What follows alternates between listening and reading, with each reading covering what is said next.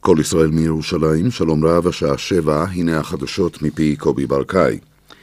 השר לביטחון הפנים ארדן מעכב את מסירת גופתו של המחבל נשאת מלחם למשפחתו. ארדן הורה למשטרה לוודא כי הלווייתו של מלחם לא תהפוך למסע תמיכה בטרור. בצהריים עשתה המשטרה חיפושים בשכונה בערערה שבה הסתתר המחבל. אדם אחד נעצר בחשד שסייע לו. השר אורי אריאל מהבית היהודי מותח ביקורת על ראש הממשלה נתניהו וטוען כי לא מילא הבטחות לבנייה בשטח E1 שבין ירושלים למעלה אדומים.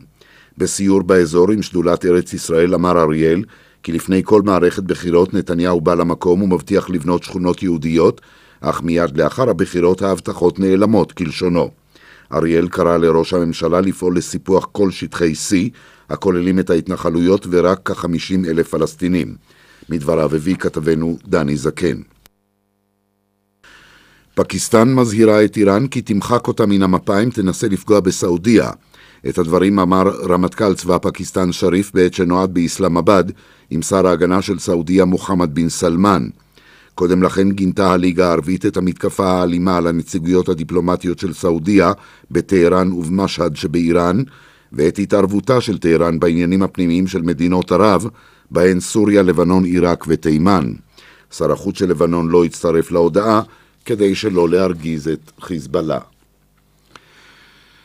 בתאונת דרכים במערב הנגב נפצעו ארבעה בני אדם, אחד מהם כבן חמישים נפצע פצעים קשים ופונה במסוק של צה"ל לבית החולים סורוקה בבאר שבע. מצבו של פצוע אחר בינוני ושניים פצועים קל. כתבנו אסף פוזיילוב מוסר כי מונית התנגשה ברכב פרטי בין בארי לעלומים. כביש 232 נסגר לתנועה בקטע הזה. בנמל התעופה בן גוריון נרשמו הערב עיכובים בהמראות ובנחיתות בשל עיצומים של עובדי מרכז התיאום. העובדים אומרים כי אינם נוקטים עיצומים וכי יש האטה בעבודתם בשל מחלוקת בענייני בטיחות עם ההנהלה. לדבריהם המקם הקרקעי, שתפקידו להתריע מהימצאות חפצים חשודים על המסלולים, מכסה בשעות החשיכה רק כ-50% משטח המסלולים. הם הוסיפו כי עובדים שגילו ברגע האחרון מכשול על אחד המסלולים זומנו לשימוע. כתבנו יצחק פרי מוסר כי הנהלת רשות שדות התעופה פנתה לפני שעה קלה לבית הדין האזורי לעבודה בתל אביב וביקשה להורות לעובדי מרכז התיאום לשוב לאלתר לעבודה סדירה. הנוסח החדש לחוק המכונה חוק המישוש כולל הגבלות על הסמכויות המורחבות של המשטרה לחפש נשק על גופו של חשוד. בעקבות הביקורת על הצעת החוק שאושרה במליאת הכנסת בקריאה ראשונה, צוות הייעוץ המשפטי של ועדת חוקה, חוק ומשפט מציע להכריז עליה הוראת שעה לשנתיים ולא חוק. בנוסח שהגיע לידי כתבנו בכנסת אופיר ברק נקבעים תנאים להרחבת הסמכויות של המשטרה. תהיה לה הזכות להכריז שבאזור מסוים יש חשש לפעילות חבלנית עוינת, ובכך לאפשר חיפוש נשק על מי שתגדיר חשוד. אם זה הסמכות לעשות זאת, תוטל על מפקד מחוז במשטרה, תהיה מוגבלת בזמן, ולאחר חודשיים תחייב את אישורו של מפכ"ל המשטרה. המשטרה תידרש לידע את הציבור, ולאפשר בכך למי שאינם מעוניינים בחיפוש, שלא לבוא לאזור. חיפוש נשק על חשוד בפלילים יתאפשר בכל מקום ובלא הגבלה, אם יש למשטרה חשד סביר לעבירת אלימות מצידו של חשוד. בעקבות הדלפות של בחינות בגרות גיבש משרד החינוך נוהל חדש ובמסגרתו לא יישלחו עוד שאלוני הבחינות בדואר, אלא יועברו בבוקר הבחינה ישירות ממשרדי המדפיס הממשלתי בירושלים לבתי הספר באמצעות שליחים. חברות השליחים יוודאו ששאלוני הבחינות יגיעו במעטפות חתומות לבתי הספר עד 45 דקות לפני הבחינה. מלווים שיזכור משרד החינוך יקבלו את השאלונים והם יישמרו בכספת במשרדו של מנהל בית הספר. כתבנו שי זילבר מוסר כי משרד החינוך כבר החל בתוכנית הרצה בחמישים בתי ספר. עורכי החדשות רון נסיאל וקרין גרודן בר-אור. התחזית מיד. מתקדמים למחמם מים בגז של אמיסרגז ונהנים ממים חמים בלי הפסקה. לפרטים פנו לסניפי אמיסרגז או חייגו כוכבית 3626. אמיסרגז. התחזית מחר וביום שלישי התחממות קלה, ביום רביעי בלי שינוי של ממש וביום חמישי ירידה בטמפרטורות וגשם מקומי מצפון הארץ עד צפון הנגב. מידות החום החזויות, בירושלים מ-8 מעלות בלילה עד 15 מעלות מחר בצהריים, בתל אביב מ-10 עד 20, בחיפה מ-10 עד 16, בצפת מ-6 עד 12, בבאר שבע מ-6 עד 20, ובאילת מ-11 מעלות בלילה עד 24 מעלות מחר בצהריים. זה סוף החדשות מכל ישראל. רשת ב' של כל ישראל, כל החדשות, השידור הציבורי שלכם ובשבילכם. שטראוס מים. להתאהב במים מחדש זה למזוג מים איכותיים, מרעננים ומוגזים מטעם מ-4 בבל בר. ללגום ופשוט להתאהב. כוכבית 6944 מיד דין ודברים, אך לפני כן מוקד התנועה רויטל עמית, בבקשה. תודה לך איריס לביא, שלום לכם המאזינים. באיילון צפונה יש עומס תנועה ממחלף חולון עד מחלף ארלוזורוב. באיילון דרומה עמוס ממחלף ההלכה עד מחלף לגוארדיה. בגהה דרומה עמוס מגהה עד מחלף בר אילן. בדרך אשדוד-אשקלון עמוס מאשדוד עד שתולים. דרך 42 עמוסה מאשדוד עד צופיה. בדרך תל אביב-אשדוד עמוס ממחלף חולות לכיוון מחלף יבנה, ובכיוון ההפוך ממחלף אשדוד עד מחלף יבנה בגלל תאונת דרכים. המשטרה ממליצה לנסוע בדרכים חלופיות. דרך 6 צפונה עמוסה ממחלף בן שמן עד מחלף נחשונים בגלל תאונת דרכים. ביציאה מירושלים עמוס מגינות סחרוב, מנהרת ארזים עד מוצא. בדרום, דרך 232 נחסמה לתנועה בין עלומים לצומת בארי לבאים משני הכיוונים בגלל תאונת דרכים. עד כאן מוקד התנועה של כל ישראל, עוד עדכונים, כוכבית 9550 מכל מכשיר טלפון. ערב טוב.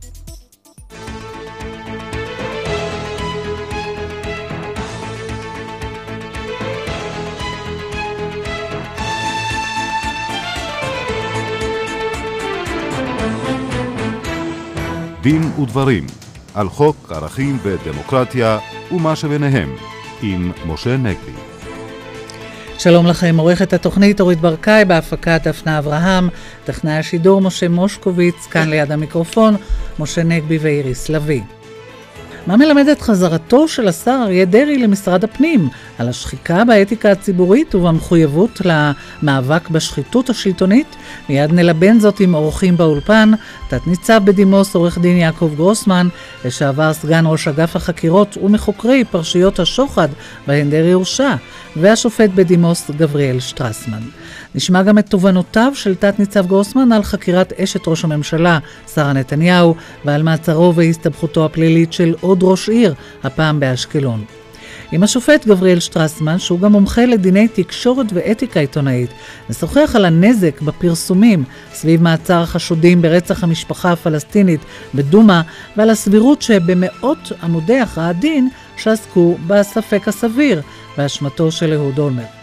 באולפן העורכת דין חיות גרינברג, ואיתה נדון בהגנה על זכויות עובדים שהגוף המעסיק אותם קורס או מתפרק.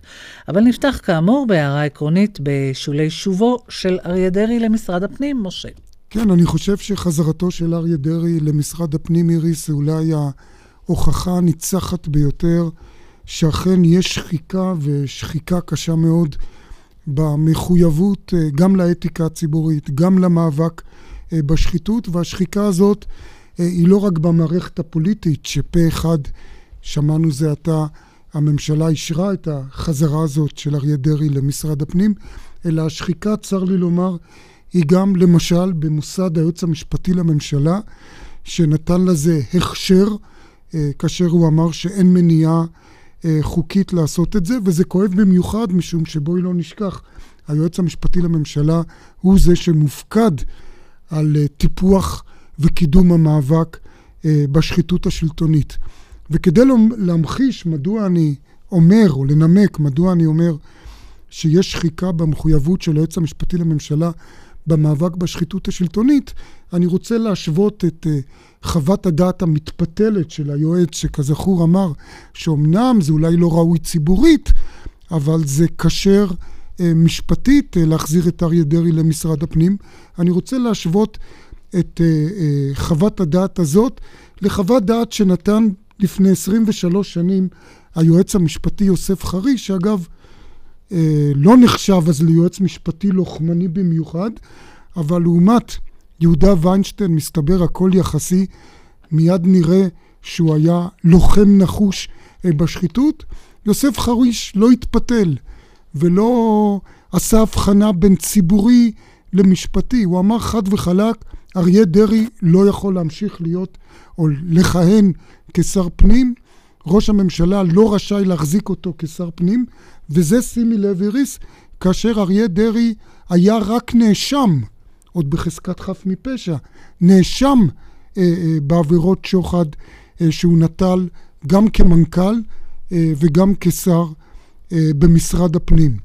וצריך לומר, החוות דעת הזאת של היועץ המשפטי חריש בשעתו מלפני 23 שנים, אומצה פה אחד על ידי הרכב של חמישה שופטים בבג"ץ, בראשות אולי שני השופטים אה, הבכירים ביותר אה, שהיו לנו, הנשיא שמגר והשופט אה, אהרון ברק. שניהם סמכו את ידיהם על חוות הדעת הזאת של היועץ המשפטי. עכשיו, אני מכיר כמובן את הטיעון שעליו גם מן הסתם אה, נסמך אה, היועץ המשפטי ויינשטיין, שאומר, מה אתם רוצים? החוק לא אוסר במפורש על אריה דרעי אה, לחזור למשרד הפנים. החוק אומר שלאחר שבע שנים הקלון כבר לא מהווה מכשול. קודם כל אני רוצה לומר שקלון זה לא כתם שיורד בכביסה, גם לא לאחר שבע שנים, הוא גם לא דוהה. קלון נשאר קלון. אבל מעבר לזה אני רוצה לומר, נכון, החוק לא מונע, אבל החוק גם לא אמר לפני 23 שנים שצריך לפטר את אריה דרעי. אגב, עד היום, אולי המאזינים יופתעו לשמוע את זה, עד היום החוק לא אומר ששר שהוגש נגדו כתב אישום על עבירת שוחד או עבירת שחיתות אחרת צריך אה, לפרוש מתפקידו, או ראש הממשלה אסור לו למנות אותו. אבל בג"ץ אמר שהדבר הזה נובע משני דברים. קודם כל הוא אמר, שר צריך להקרין יושר ויושרה. ואני שואל, אם אריה דרעי לא היה מסוגל להקרין יושר ויושרה כשהוא היה רק, במרכאות, רק נאשם בשוחד, האם הוא יכול להקרין יושר ויושרה לאחר שהוא הורשע בשוחד? זו שאלה אחת. שאלה שנייה, או דבר שני שקבע בג"ץ, בג"ץ אמר, נכון, אריה דרעי מבחינה פורמלית כשיר חוקית להיות שר הפנים, אבל שר צריך להיות לא רק כשיר חוקית, הוא גם חייב להיות כשר נורמטיבית. ומי שנאשם אפילו, רק נאשם בשוחד, ואני מוסיף, קל וחומר מי שהורשע בשוחד, לא יכול להיות כשר אה, נורמטיבית. עכשיו, אני רוצה לומר שבאותם 23 שנים למדנו עוד כמה דברים על אריה דרעי, שלא ידענו אותם לפני 23 שנים, ושרק הופכים את המינוי שלו לשר פנים לעוד יותר בעייתי. אנחנו יודעים מאז לא רק שהוא לקח שוחד, כמו שאמרתי, לא רק נאשם אלא גם מורשע, אנחנו יודעים שהוא היה לא רק מושחת אלא גם משחית. אני רוצה לצטט משפט מפסק הדין של בית המשפט העליון שאישר את ההרשעה שלו, וכך כתב בית המשפט העליון על אריה דרעי, שהוא זיהם את הממשל בתת תרבות של שוחד האופיינית למדינות נחשלות ולמשטרים מושחתים. את המזהם הזה רוצים להחזיר היום למשרד הפנים.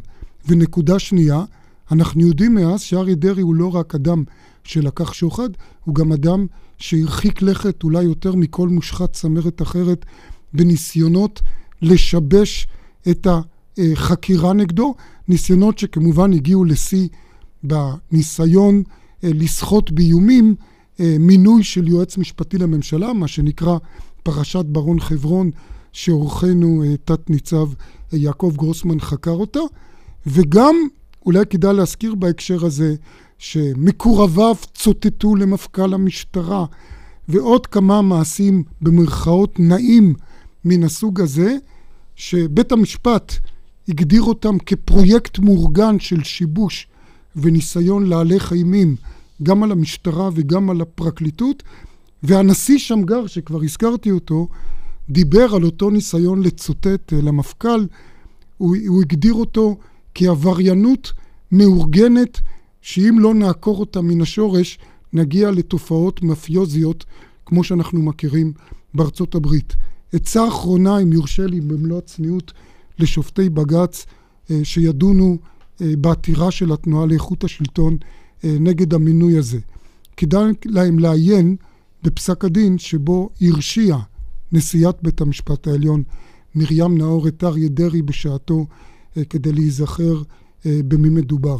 תת ניצב בדימוס יעקב גרוסמן, אני כבר הזכרתי, היית סגן ראש אגף החקירות והיית בין חוקריו של דרעי, גם בפרשת השוחד, גם בפרשת ברון חברון שהזכרתי. איך אתה רואה את העניין הזה?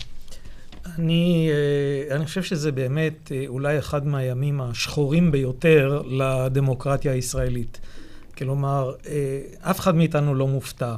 ברור לכולנו, לפחות לי, שהמינוי הזה יאושר מחר או מחרתיים בכנסת, וזה פשוט בלתי נסבל. אבל מה שרציתי להציע, משה, לטובת מאזינים צעירים יותר, אולי ברשותך שתיים שלוש מילים להזכיר מה, מהי אותה פרשה שקראו לה פרשת אה, דרעי, שאז עוד היה אריה דרעי, לימים הקפיד אה, לקרוא לעצמו, מקפיד גם היום, אריה מכלוף דרעי, וכך אני אקרא לו מחמת כבודו.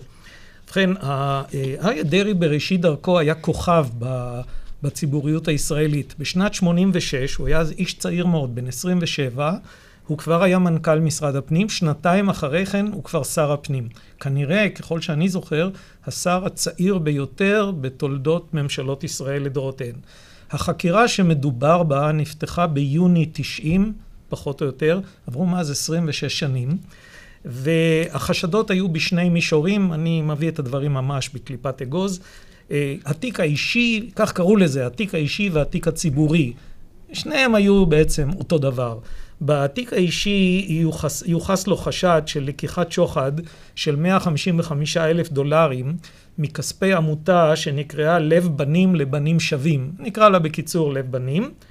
אה, דרעי טען בחקירה ש-50 אלף דולרים מתוך הסכום הזה הם מתנה שהוא ואשתו אה, קיבלו מהוריה המאמצים אה, איסר ואסתר ורדרבר, ורדרבר, שני יהודים אמריקאים שנאספו כבר מזמן אל אבותיהם.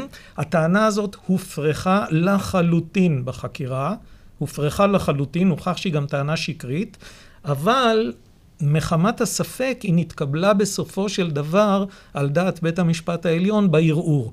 וכך הופחת הסכום הזה של 50 אלף דולר מסכום השוחד. אה, סכום שני היה בשקלים, כ-790 אלף שקל, מ... אה, זה כספים ציבוריים כמובן. אה, מכספי משרד הפנים ועיריית ירושלים, לעמותה אחרת שנשאה את השם המרשים, המרכז לשיקום אסירים משוחררים ירושלים, משה. אבל זה היה למעשה תרגיל במה שאנחנו... סיבוב. כן, תנועה סיבובית, כי ממשה הכספים האלה חזרו ללב בנים, שדיברתי כרגע, שזה למעשה אריה דרעי. אה, בתיק הציבורי אה, היה מדובר בחשדות שעלו מדוח מבקרת המדינה דאז, הגברת בן פורת, אה, שכל כולו העברות כספים בסכומים עצומים ממשרד הפנים לגופים שונים של תנועת ש"ס, בעיקר תנועת אל המעיין, במסגרת... שם היה זיכוי חלקי, אבל. שם היה זיכוי אה, יותר מחלקי. שם מתוך חמישה אישומים היה זיכוי בארבעה, וגם העונש היה מתון מאוד. אבל שוב, זה חלק, מה שחשוב כאן, ואני באמת לא רוצה למדוד את זה בכלים של המשפט הפלילי, שלא צריך להפריז בחשיבותם, אה, זאת הייתה מסכת אחת ארוכה של שחיתות. החקירה אכן התארכה יותר מדי, אין על זה מחלוקת, אבל כדאי לזכור, היא נמשכה בסופו של דבר, החקירה והמשפט נמשכו בערך תשע שנים. כתב האישום הוגש בשנת 93. טוב, התחשבו שלוש... בזה בגזר הדין. בהחלט, בהחלט. דרעי בפירוש הרוויח אה, מייסורי הדין וחרבו הנוראה של דמוקלס. שבמהלכו הוא היה, הוא כיהן? במהלך אה, המשפט? כן, ברוב התקופה הוא עוד כיהן, אבל מסתבר שכשחרב דמוקלס מרחפת מעל ראשך, היא לא תמיד מזיקה לך. כדאי גם להדגיש, כדי שנלמד משהו על אופיו של האיש, ששלוש שנים מתוך החקירה זה סחבת באחריותו וביוזמתו של דרעי שהודיע שהוא לא מתכוון אה, אה, להתייצב לחקירה, או יותר נכון לא מתכוון אה, לדבר. לדבר בחקירה עד שהוא החליט. בסופו של דבר הוגש כתב האישום. עכשיו בקצרה, שתי עבירות של לקיחת שוחד, מאחת מהן הוא זוכה, שלוש עבירות של מרמה והפרת אמונים, הורשע בכולן, עבירה אחת של קבלת דבר במרמה בנסיבות מחמירות, ועוד עבירה של רישום כוזב במסמכי תאגיד שממנה הוא זוכה. וב-17 למרץ 99, שוב אני מדבר למאזינים הצעירים, בדיוק לפני 17 שנים, דרעי הורשע בבית המשפט המחוזי בירושלים, נגזרו עליו ארבע שנות מאסר וקנס של רבע מיליון שקלים. פסק הדין, אפרופו פסקי דין ארוכים, פסק הדין משתרע על 917 עמודים. עוד נתייחס לעניין הזה של פסקי דין. הדבר החשוב, ופה אני מבקש לצטט, היא אחת הפסקאות הנוקבות ביותר בפסק, דין, אה, בפסק דינו של בית המשפט המחוזי, ואני אצטט רק קטעים קצרים. קשה היא תמונת השוחד, כך אומרים השופטים. אין מדובר בכישלון אה, בודד של צעיר שזה עתה נחשף למנעמי השלטון, אלא במי שהתמיד באורח חיים המיוסד על אדני שוחד, על פני כל חמש השנים שבהם שימש דרעי בתפקידים ממלכתיים. חמש שנות השוחד, ואני מקצר מאוד מאוד, עומדות בסימן חפץ הנאשם להתעשרות אישית מהירה בדרך של עשיית הון מהכהונות הממלכתיות. נדמה לי שפה לא כדאי להוסיף אף מילה. הערעור, הערעור לבית המשפט העליון התקבל בחלקו, גם בחלק העובדתי, גם בערעור על גזר הדין. בית המשפט העליון החליט להפחית את עונש המאסר מארבע שנות מאסר לשלוש, לשלוש וזאת משתי סיבות, שיש בהן בהחלט טעם. הראשונה היא התארכותם הבלתי מוצדקת של ההליכים, כפי שאמרתי, תשע שנים, למרות שבית המשפט עצמו אומר חרף סחבת שהנאשם גרם לה בהתנהגותו. והנימוק השני זה אותה התערבות בממצאים העובדתיים כן. של בית המשפט המחוזי, באופן שסכום השוחד הופחת מ-155 אלף דולרים ל-64 אלף בלבד, לרבות סכום שוחד נוסף שמגדירים אותו בעליון כלא ידוע. אבל אני רוצה לשאול אתכם, הרי הוא הורשע, הוא ישב, אז כמו שאומרים האומרים, אז הוא מילא את אה, חובו וכולי, ועכשיו אה, האם הוא יכול לחזור או לא יחזור, זאת השאלה. השופט שטרסמן, איך אתה רואה את זה? ובכן, אני לצערי רב, לצערי הרב, אני חושש שמה שכתב היועץ המשפטי לממשלה הוא נכון. כלומר שמבחינה משפטית המינוי הזה הוא כשר.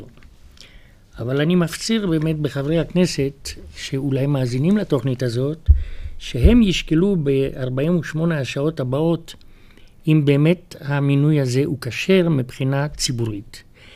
הרי מבחינה אתית האיש הזה עשה לא דברים פחות חמורים מאשר מבחינה משפטית. האתיקה זה דבר שאנחנו צריכים תמיד למדוד אותו לפי מה אנחנו מרגישים, אם זה בסדר או לא בסדר. והאם ייתכן שבממשלה דרך אגב, הוא לא השר היחיד שהורשע בפלילים שיושב, אבל אני לא רוצה להתייחס למקרה אחר.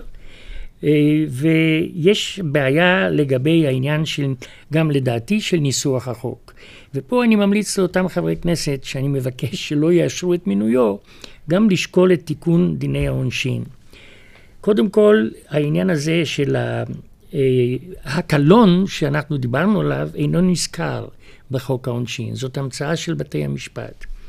ואני לא בטוח שצריכים להזכיר אותו. אני חושב שצריכים להגדיר אותו בחוק בצורה חד משמעית. ואני מן המחמירים בעניין זה. אני הייתי כותב בחוק כל עבירה שהיא פשע, שדין המאסר עליה הוא יותר מחמש שנים, היא עבירה שיש עמה קלון. כל עבירה.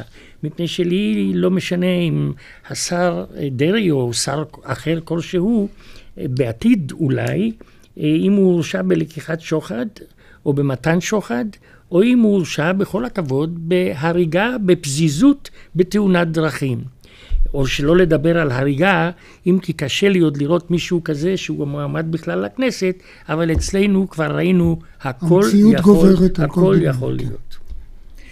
כן, אז uh, עכשיו אנחנו רוצים אבל לחזור אליך, תת-ניצב uh, בדימוס uh, יעקב גרוסמן, ולמשל עניין מעצרו של ראש עיריית אשקלון, ששמענו עליו ממש עכשיו באחרונה, השחיתות, אולי ההשחתה בשלטון המקומי, יש משהו שגורם לזה דווקא שם?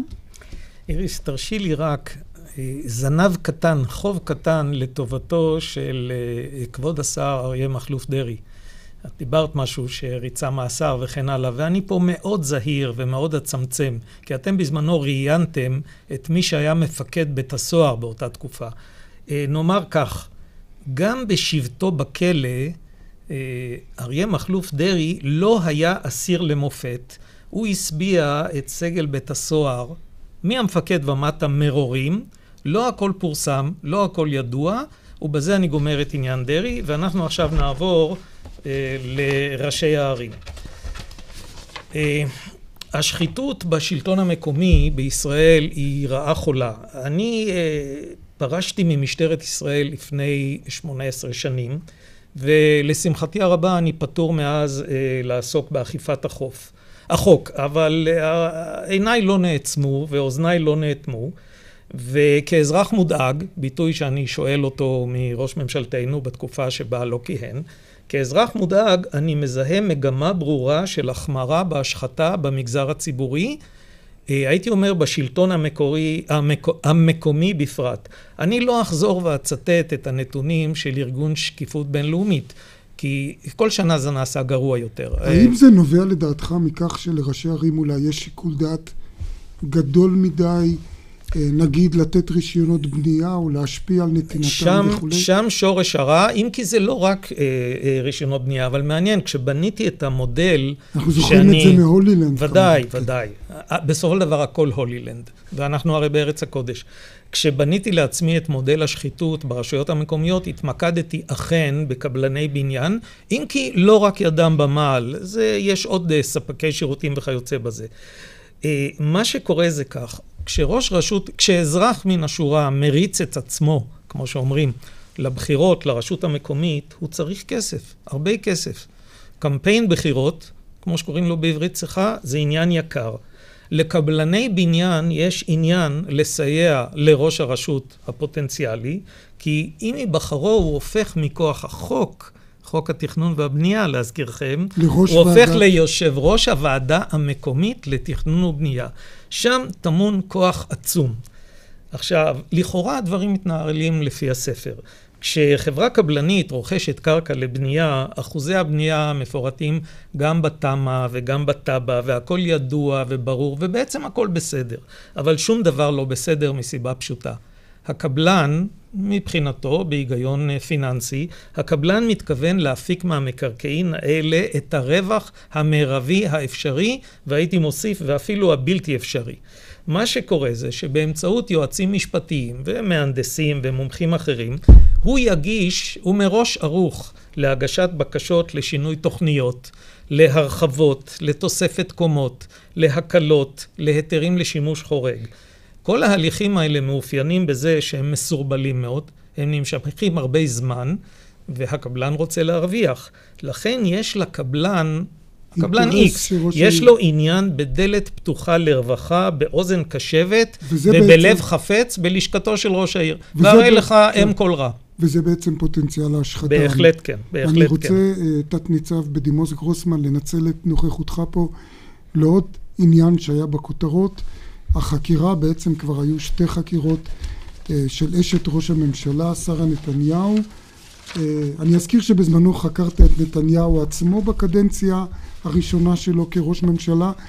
אה, איזה קושי או מאפיין מיוחד יש בחקירה מן הסוג הזה של, אפשר לומר, אישה בכירה במעמדה?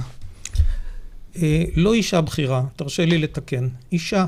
אישה רגילה אישה של לחלוטין. החו- מאחר אשתו- שאין לה מעמד אשתו בעצמה, של כן. אשת ראש ממשלה, מין תואר שהוא יציר, יציר ה- התקשורת או שפת הדיבור, אה, מעמדה לצורך חקירה אינו שונה ממעמדם של כל האנשים החביבים אבל כאן החוקרים באולפן. בכל זאת מוגבלים. אבל כן, מה, הם לא מוגבלים, לא. בוא, בוא נלך, נ, נעשה את זה קצר ופשוט.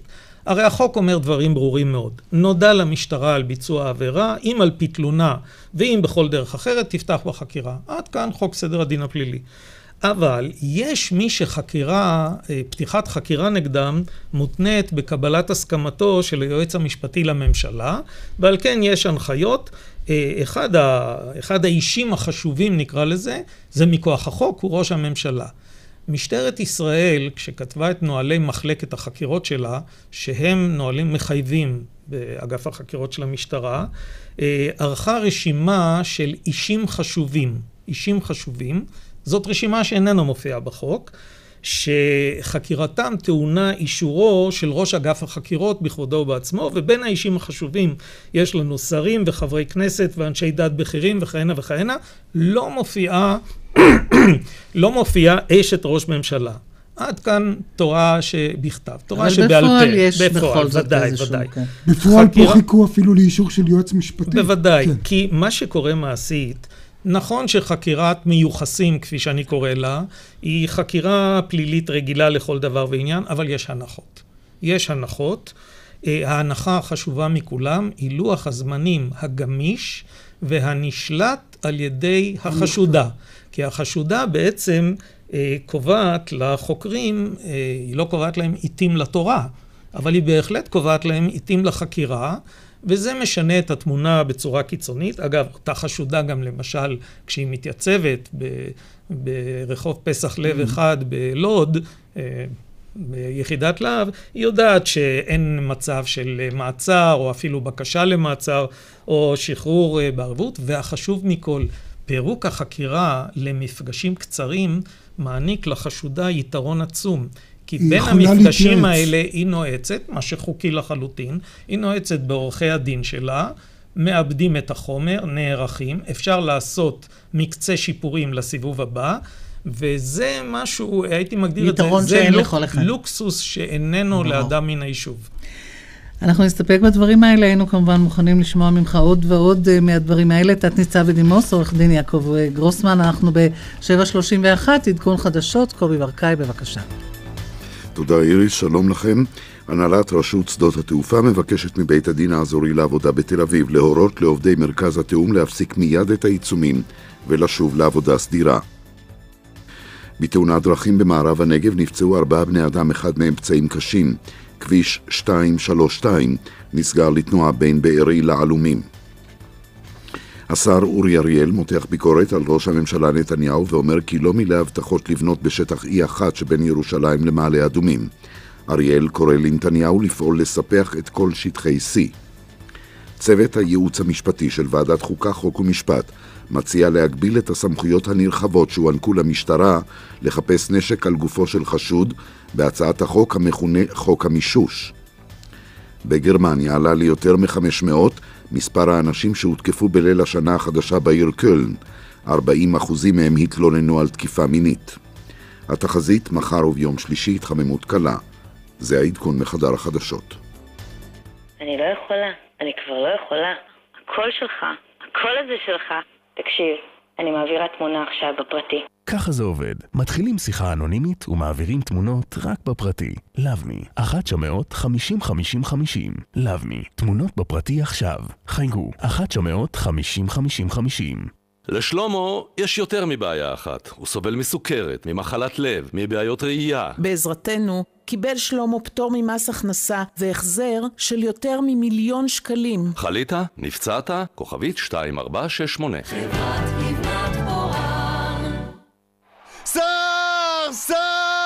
שר! שר גבע מאשדוד נוסע לאולימפיאדת טריו!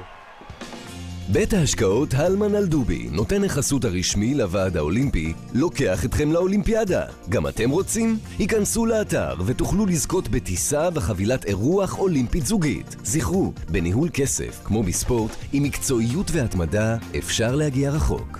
בית השקעות הלמן אלדובי, כוכבית 2778 דלתות פנדור, דלתות הפנים הטובות והדקורטיביות בישראל.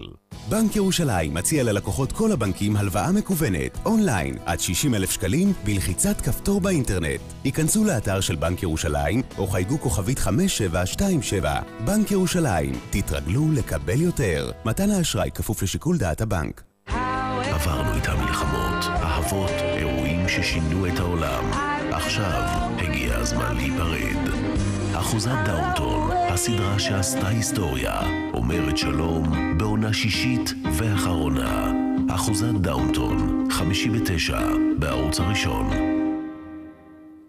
עכשיו בפנדור, משדרגים את הבית ביום אחד. דלתות למינטו מ-1,380 שקלים כולל הכל. כפוף לתקנון. פנדור, חברת הדלתות הגדולה בישראל. סובלת מנשירת שיער? בואי למעבדות Hair Clinic לאבחון וטיפול טריקולוגי. התקשרי עכשיו, כוכבית 2646. ניתוח קטרקט בלייזר, מדויק ובטוח יותר, אצל בכירי המנתחים המנוסים, במרכז הרפואי עתידים Medical Center, הניתוח במימון כל חברות הביטוח. חייגו 03-525-4555,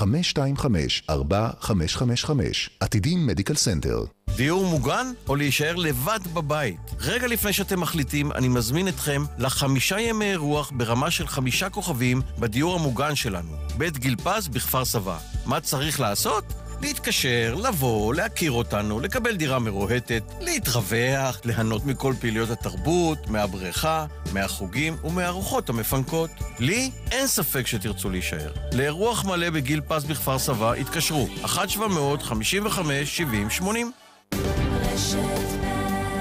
חזרנו אליכם כאן בדין ודברים. בשבוע שעבר נחשפו הנאשמים היהודים בפרשה של הצתת המשפחה הפלסטינית בכפר דומא, ולך, השופט גבריאל שטרסמן, יש הסתייגות מהפרסומים שמלווים את החשיפה. מדוע? אני חושב שהתקשורת מפרסמת הרבה יותר מדי פרטים שגם עלולים להשפיע על בית המשפט מבחינת החוק, וגם מייצרים בקרב הציבור ציפיות ש...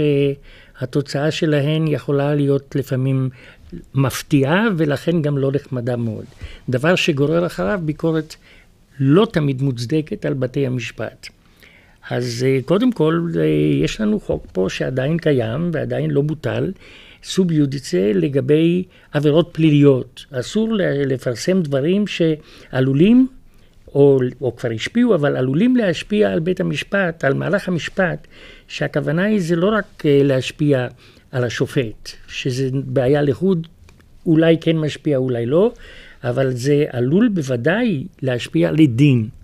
ואחר כך אנחנו, אה, ששומעים את, או קוראים את כל החקירות ואת כל חומר החקירה שישנו בידי המשטרה, וכל זה מתפרסם שוב בניגוד לחוק בכל אמצעי התקשורת, אז הציבור שהוא לא יודע מה כתוב שם באמת, הוא רק יודע מה שבוחרים לו העיתונאים, הוא מחכה לאיזה פסק דין, בואי נאמר בעניין הזה כמעט פסק דין מוות. עכשיו, הציפיות האלה הן לפעמים מאוד מפתיעות, והנה אני, כאחד שקורא את פסקי הדין, קראתי את פסק הדין בערעור של... של הולילנד, של כלומר אולמרט והאנשים הללו, וגם זה היה פסק דין כמו העניין של דרעי, 900 ומשהו עמודים, שהוא דבר שמאוד מכביד דרך אגב לא סתם על קריאה של מי שסקרן, אלא מי שמחפש שם איזשהו דבר שאפשר להגיד זה קבע רוב.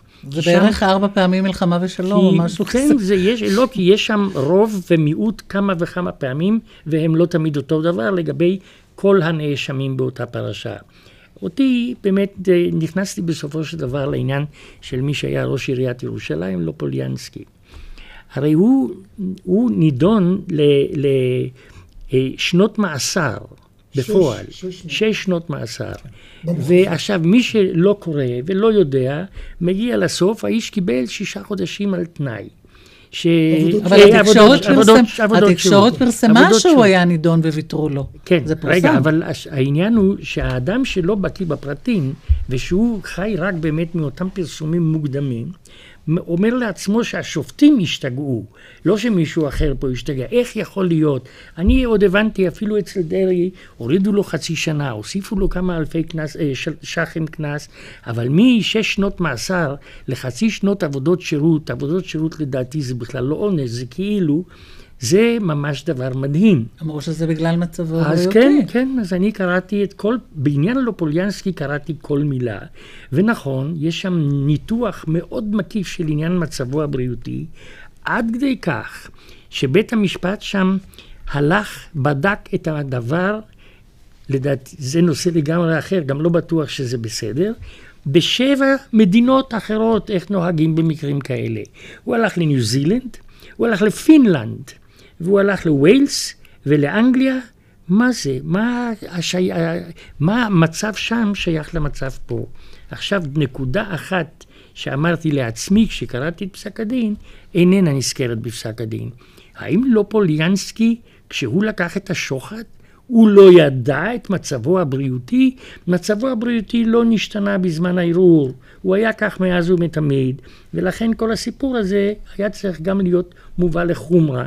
בית המשפט יכול היה או להשאיר את העונש על כנו, או להפחית קצת, ולהתיר את היתרה למחלקת החנינות ולתת למישהו אחר לשקול אם הוא ראוי לחנינה, אבל לא למחיקת או להקטנת העונש. או אולי בית המשפט השופט- יכול היה להחליט לא לתת לו עונש כזה bגלל מצבו הבריאותי? הוא יכול. כשיקול. הוא יכול, Mhm. כן, אבל הפרטים הרבים שם על שיקולו, על מצבו הבריאותי, הם באמת אה, מטרידים. הם נושא. אבל לכן, פה, פה באה השאלה שלי, הרי לופוליאנסקי ידע שהוא לוקח שוחד.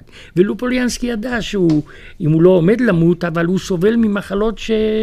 מה, מה הקשר? אם ידעת שאתה כל כך חולה, וידעת שאולי יתפסו אותך, אז למה אתה צריך לחפש מה זה עבודות שירות? כן, באמת, אני חייב לומר, השופט שטרסמן, אני כמובן אה, אה, במלוא הצניעות מצטרף אה, לדעתך. אני גם זוכר שבשנות ה-70, כשהיה בית משפט קצת אחר, אה, בפירוש נאמר גם על ידי השופט לנדאו, גם על ידי השופט אה, חיים כהן, שכאשר מדובר בשוחד, ואז בית המשפט הגדיר את עבירת השוחד כאבי אבות הטומאה, אה, של השירות הציבורי והמערכת הפוליטית, כאשר מדובר בשוחד, הנסיבות האישיות לא צריכות לקבל משקל גדול. בוודאי לא למחוק שש שנות מאסר כפי שנעשה פה. כן, רצית להגיד? כן, רציתי להגיד שמעניין שגם בפסק הדין בעניין, אה, בעניין אה, אה, אולמר, כלומר הולילנד, הפרשה שאנחנו מדברים עליה, וגם בעניינים, אה, בעניין אחר, לוקחים השופטים את ספר, אה, את ספר אה, דברים נדמה לי, אני לא זוכר כי לא רשמתי לי את הציטוט, את אותו ציטוט לגבי עבירת שוחד, את חומרתה של עבירת השוחד. וזה באמת אה, לא, לא מסתדר למוח של בן אדם. עם הסלחנות. כן. אה, אולי אני רוצה לחזור לשנייה, ואולי גם אה, אני ארצה פה את תגובתו של אה, תת-ניצב בדימוס גרוסמן. לגבי העניין הזה של דומא, אה, היו הרבה פרסומים סביב הטענה אה, של עינויים, וכמובן היה צפוי אולי שהסנגורים יעלו טענה כזאת, אבל מה שמעניין שבעצם לא ממש הוכחש. כלומר, השב"כ אמר, נכון, ככה זה פורסם, שוב פעם, אני זהיר.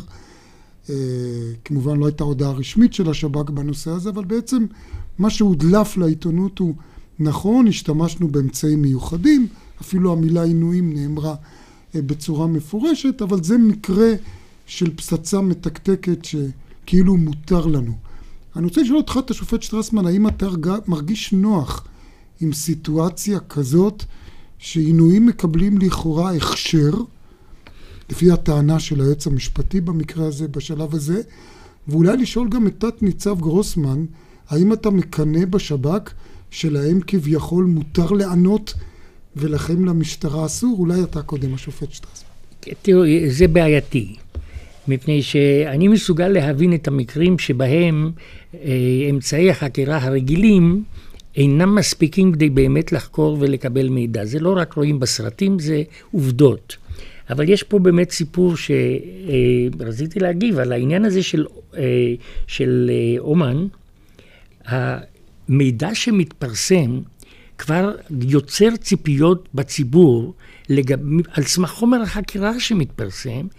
מה יהיה? הרי האנשים האלה עשו את הדבר הנורא הזה, שרפו משפחה. מפלצתי, וכל... כן. מה יהיה?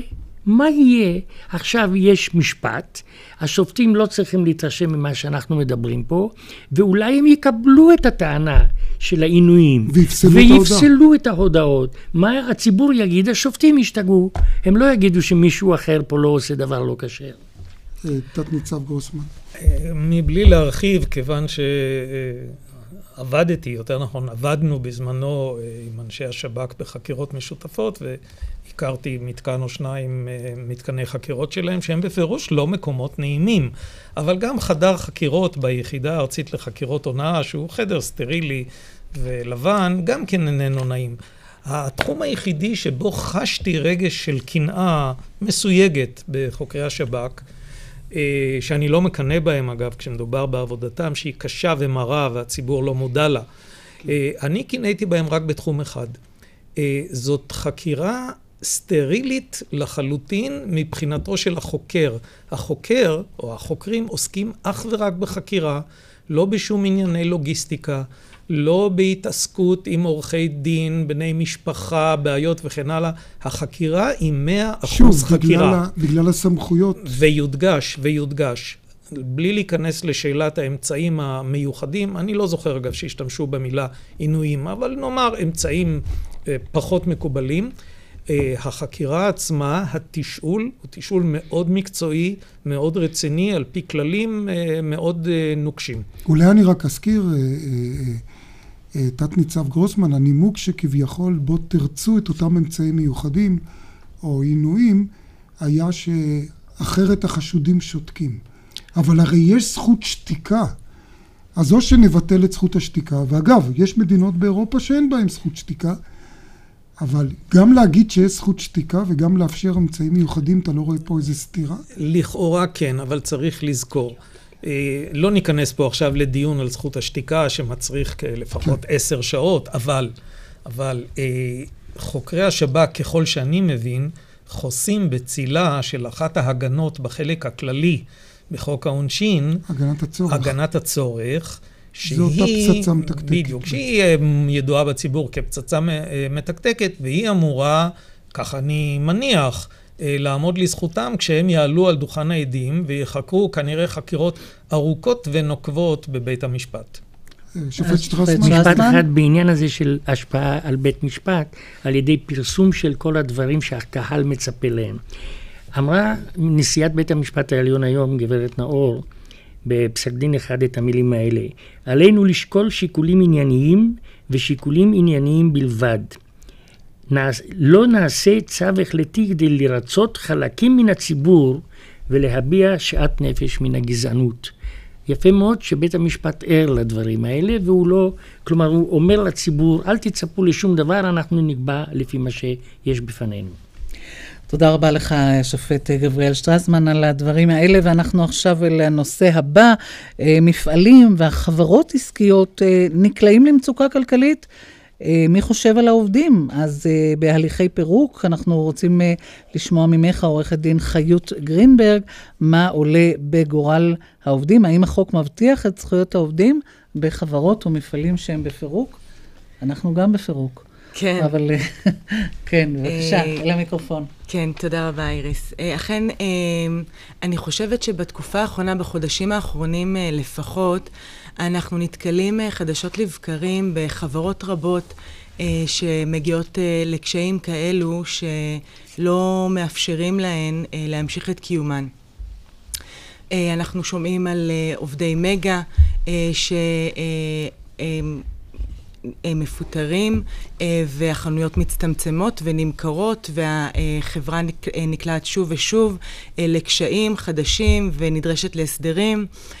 לאחרונה שמענו על מספר מפעלים ביטחוניים, למשל אחידטקס, שהוא גלגול של רבינטקס, סולטם רדד, קבוצת ספורט ורטהיימר, ואכן השאלה הנשאלת היא בראש ובראשונה באשר לעובדים. ואני רוצה לומר אה, שלעובדים יש אה, מעמד מיוחד גם בחוק, אה, מעמדם הוא אה, מוגדר כנושים אה, בדין קדימה, אה, וגם אני שמחה לבשר שישנו גם הסדר במוסד לביטוח לאומי, אשר מקנה להם ביטחון מסוים, אבל אני חייבת לומר שזה רק במצבים של פירוק החברה. כלומר, מהו המצב הזה בביטוח הלאומי? זאת ש... אומרת שכאשר חברה נקלט לקשיים ואין לה אפשרות לשלם את שכר העובדים שלה, ישנו אכן פרק זמן מסוים שבו יש מצוקה לעובדים, אבל כאשר מוגש, אה, אה, מוגשת בקשה לפירוק החברה אה, וניתן צו לפירוקה, אזי המוסד לביטוח לאומי מבטח את העובדים עד לגובה של 113,000 שקלים לכל עובד. כלומר, בעצם העובדים לא תלויים בזה שהחברה שקורסת או מתפרקת תשלם להם, אלא הביטוח הלאומי משלם להם עד 130,000 שקל. כמובן, אם חייבים להם את הכסף הזה, ואז הביטוח הלאומי הוא זה שצריך להתחשבן עם אותה חברה. נכון מאוד, משה. גם כאשר אה, לא אה, הצליחו לגבות ולו שקל אחד לקופת הפירוק או לקופת ההסדר, אזי המוסד לביטוח לאומי מבטיח, אה, מפצה כל עובד עד לגובה של 113,000 שקלים, בגין כל לפח, הזכויות. לפחות, מה שנקרא. לכל היותר, יותר, כן. לכל היותר, יותר נכון, אבל mm. ככל ונגבים כספים מסוימים לקופת הפירוק, העובד זכאי להיפרע גם ממנה בסכום נוסף של כ-36,000 שקלים, שמתוכו 24,000 שקלים בגין שכר ו-12,000 שקלים בגין פיצויי פיטורים. ככה שבסך הכל, מה שאני רוצה לומר לעובדים שמצויים בחברות בקשיים, יש תקווה ויש פתרון.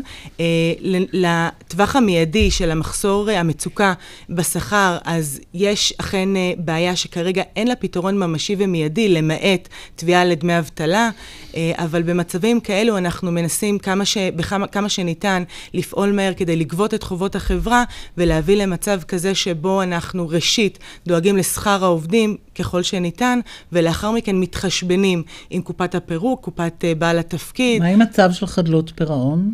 מצב של חדלות פירעון למעשה הוא מצב שבו אה, אה, חברה או אדם פרטי לא, יכולים לעמוד, לא יכול לעמוד בכל ההתחייבויות שלו. ישנם מספר, אה, אה, מספר תרופות, מספר, פיתו, אה, מספר מסלולים, כמו מצב של הקפאת הליכים, או מצב של פירוק חברה. אה, במ... אבל יש בעיה עם הקפאת הליכים. נכון. אגב, כבר הזכירה איריס, הרי גם אנחנו פה יושבים כרגע במוסד נכון. שנמצא בהליכים של פירוק, אם כי במקרה שלנו זה נובע אה, מחקיקה של הכנסת. אה, כמו שאנחנו יודעים, אה, אבל גם אצלנו יש את הנושא הזה של הקפאת הליכים, ואנחנו חשים על בשרנו את העובדה שלמשל, וזה דווקא פועל לכאורה נגד העובדים, אתה לא יכול בעצם לתבוע את, ה, את החברה או את המעסיק אה, בבית משפט בגלל שהוא בהקפאת הליכים. מה, איך זה משפיע על הזכויות של אז, העובדים? אז בתור אחת שמייצגת הרבה פעמים עובדים, והרבה פעמים גם מהצד השני מייצגת uh, חברות, אני חייבת לומר שיש גם שיקולים של המשך התעסוקה, כמו למשל uh, בתיק, uh, בתיקים שנמצאים בפריפריה, או בגופים uh, למשל כמו שלכם, יש חשיבות עצומה להמשך התעסוקה, uh, להמשך החיים של המפעל. אה, לשימורו כעסק חי, אה, בדרך כלל, למשל, כמו במקרה של מגה, שבו מדובר בעשרות, ב, ב, באלפי עובדים, עובדים, כן, mm-hmm. שעלולים למצוא את עצמם ללא מקום עבודה, אז יש בהחלט מאמצים שנעשים על ידי כולם, גם החברה. אה, גם העובדים וגם אה, בתי המשפט וגם הבנקים, אה, לנסות למצוא את האיזון העדין בין המשך החיים של החברה, למכור אותה, אולי לשקם אותה, להבריא אותה, כדי שאולי בסופו של דבר אפשר יהיה לשלב בין הליך של הקפאת הליכים, שממנו תעבור החברה לפסים של פירוק, ושם אפשר יהיה להשלים את יתר החובות לעובדים. באמצעות הביטוח הלאומי גם, כפי כן. שהזכרת קודם. הרבה פעמים, כן. אז היית אומרת שבסך הכל המצב של העובדים יחסית ל... נושים יחסית אחרים... יחסית לנושים אחרים. המצב הוא טוב.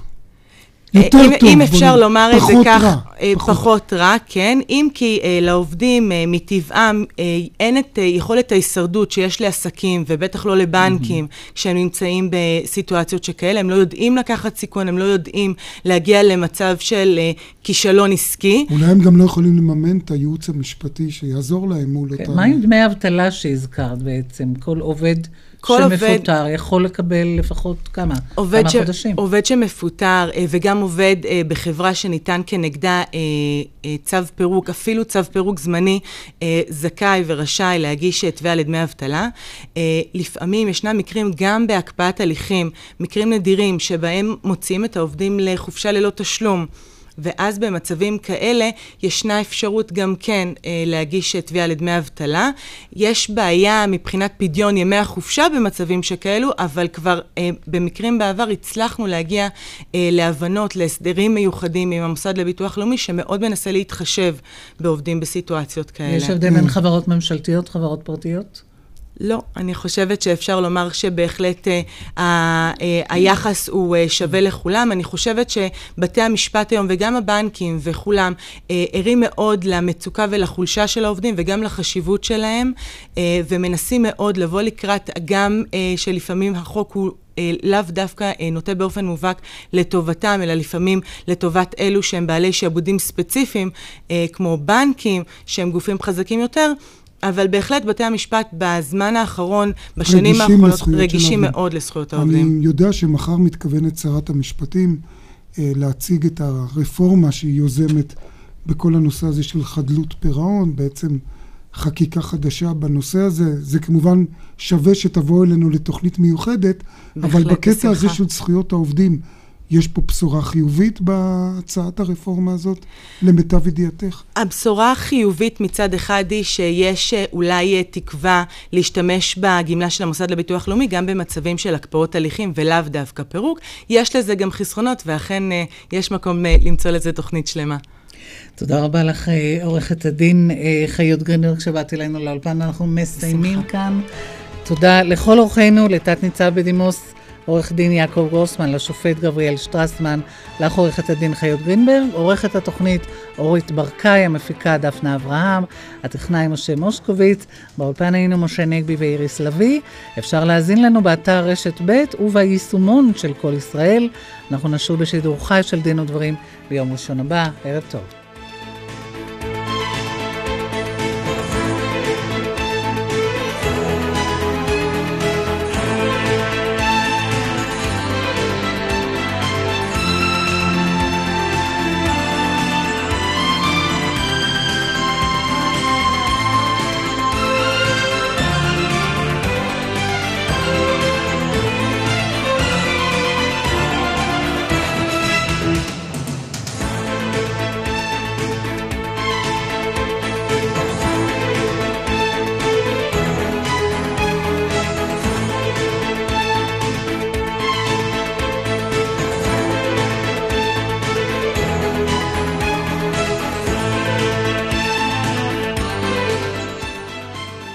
דעת קהל בעבור המבחן של המדינה בדק ומצא. שלושה מכל ארבעה בעלי דעה בחרו דלתות פנדור. דלתות הפנים הטובות והדקורטיביות ביותר בישראל. חשבת שאי אפשר לנצח את ההתקרחות? אז יש לנו חדשות טובות. אריג'ן קלאסיק, פיתוח טכנולוגי חדשני להצמחת שיער מחודשת עכשיו בישראל. מכשיר לשימוש ביתי, באישור מכון התקנים, המכפיל את קצב צמיחת השיער, מעבה את השיער ומטפל בהתקרחות. גם בהתקרחות תורשתית. אריג'ן קלאסיק, השיער פשוט נולד מחדש. לבדיקת התאמה, חפש בגוגל שיער נולד, או התקשר אלינו, 1-800-665544. בנק ירושלים מציע ללקוחות כל הבנקים הלוואה מקוונת, אונליין, עד 60 אלף שקלים, בלחיצת כפתור באינטרנט. היכנסו לאתר של בנק ירושלים, או חייגו כוכבית 5727. בנק ירושלים, תתרגלו לקבל יותר. מתן האשראי כפוף לשיקול דעת הבנק. סקר דעת קהל בעבור המבחן של המדינה בדק ומצא. שלושה מכל ארבעה בעלי דעה בחרו דלתות פנדור. דלתות הפנים הטובות והדקורטיביות ביותר בישראל. שטראוס מים. להתאהב במים מחדש זה למזוג מים איכותיים, מרעננים ומוגזים מטעמי 4 בבל בר. ללגום ופשוט להתאהב. כוכבית 6944 יש קרקעות שמחכות לאישור, ויש קרקעות שמאושרות מחוף לחוף. קרקעות ישראל מזמינה אתכם לרכוש קרקע בפרויקט עיר ימים בחדרה. הקרקע הכי מבוקשת במדינה, רק ב-299 אלף שקלים. קרקע בתוכנית מאושרת למגורים בקו החוף על הים. הזדרזו, שלב ב' ואחרון, רק 299 אלף שקלים. התקשרו עכשיו, קרקעות ישראל, כוכבית 8486. מותק, מה בעניין ההלוואה שאמרת שניקח? רגע, זה לא כל כך פשוט. מה את חושבת? לוחצים על כפתור ומקבלים הלוואה? בדיוק ככה. בנק ירושלים מציע ללקוחות כל הבנקים הלוואה מקוונת, אונליין, עד 60 אלף שקלים, בלחיצת כפתור באינטרנט. היכנסו לאתר של בנק ירושלים, או חייגו כוכבית 5727. בנק ירושלים, תתרגלו לקבל יותר. מתן האשראי כפוף לשיקול דעת הבנק.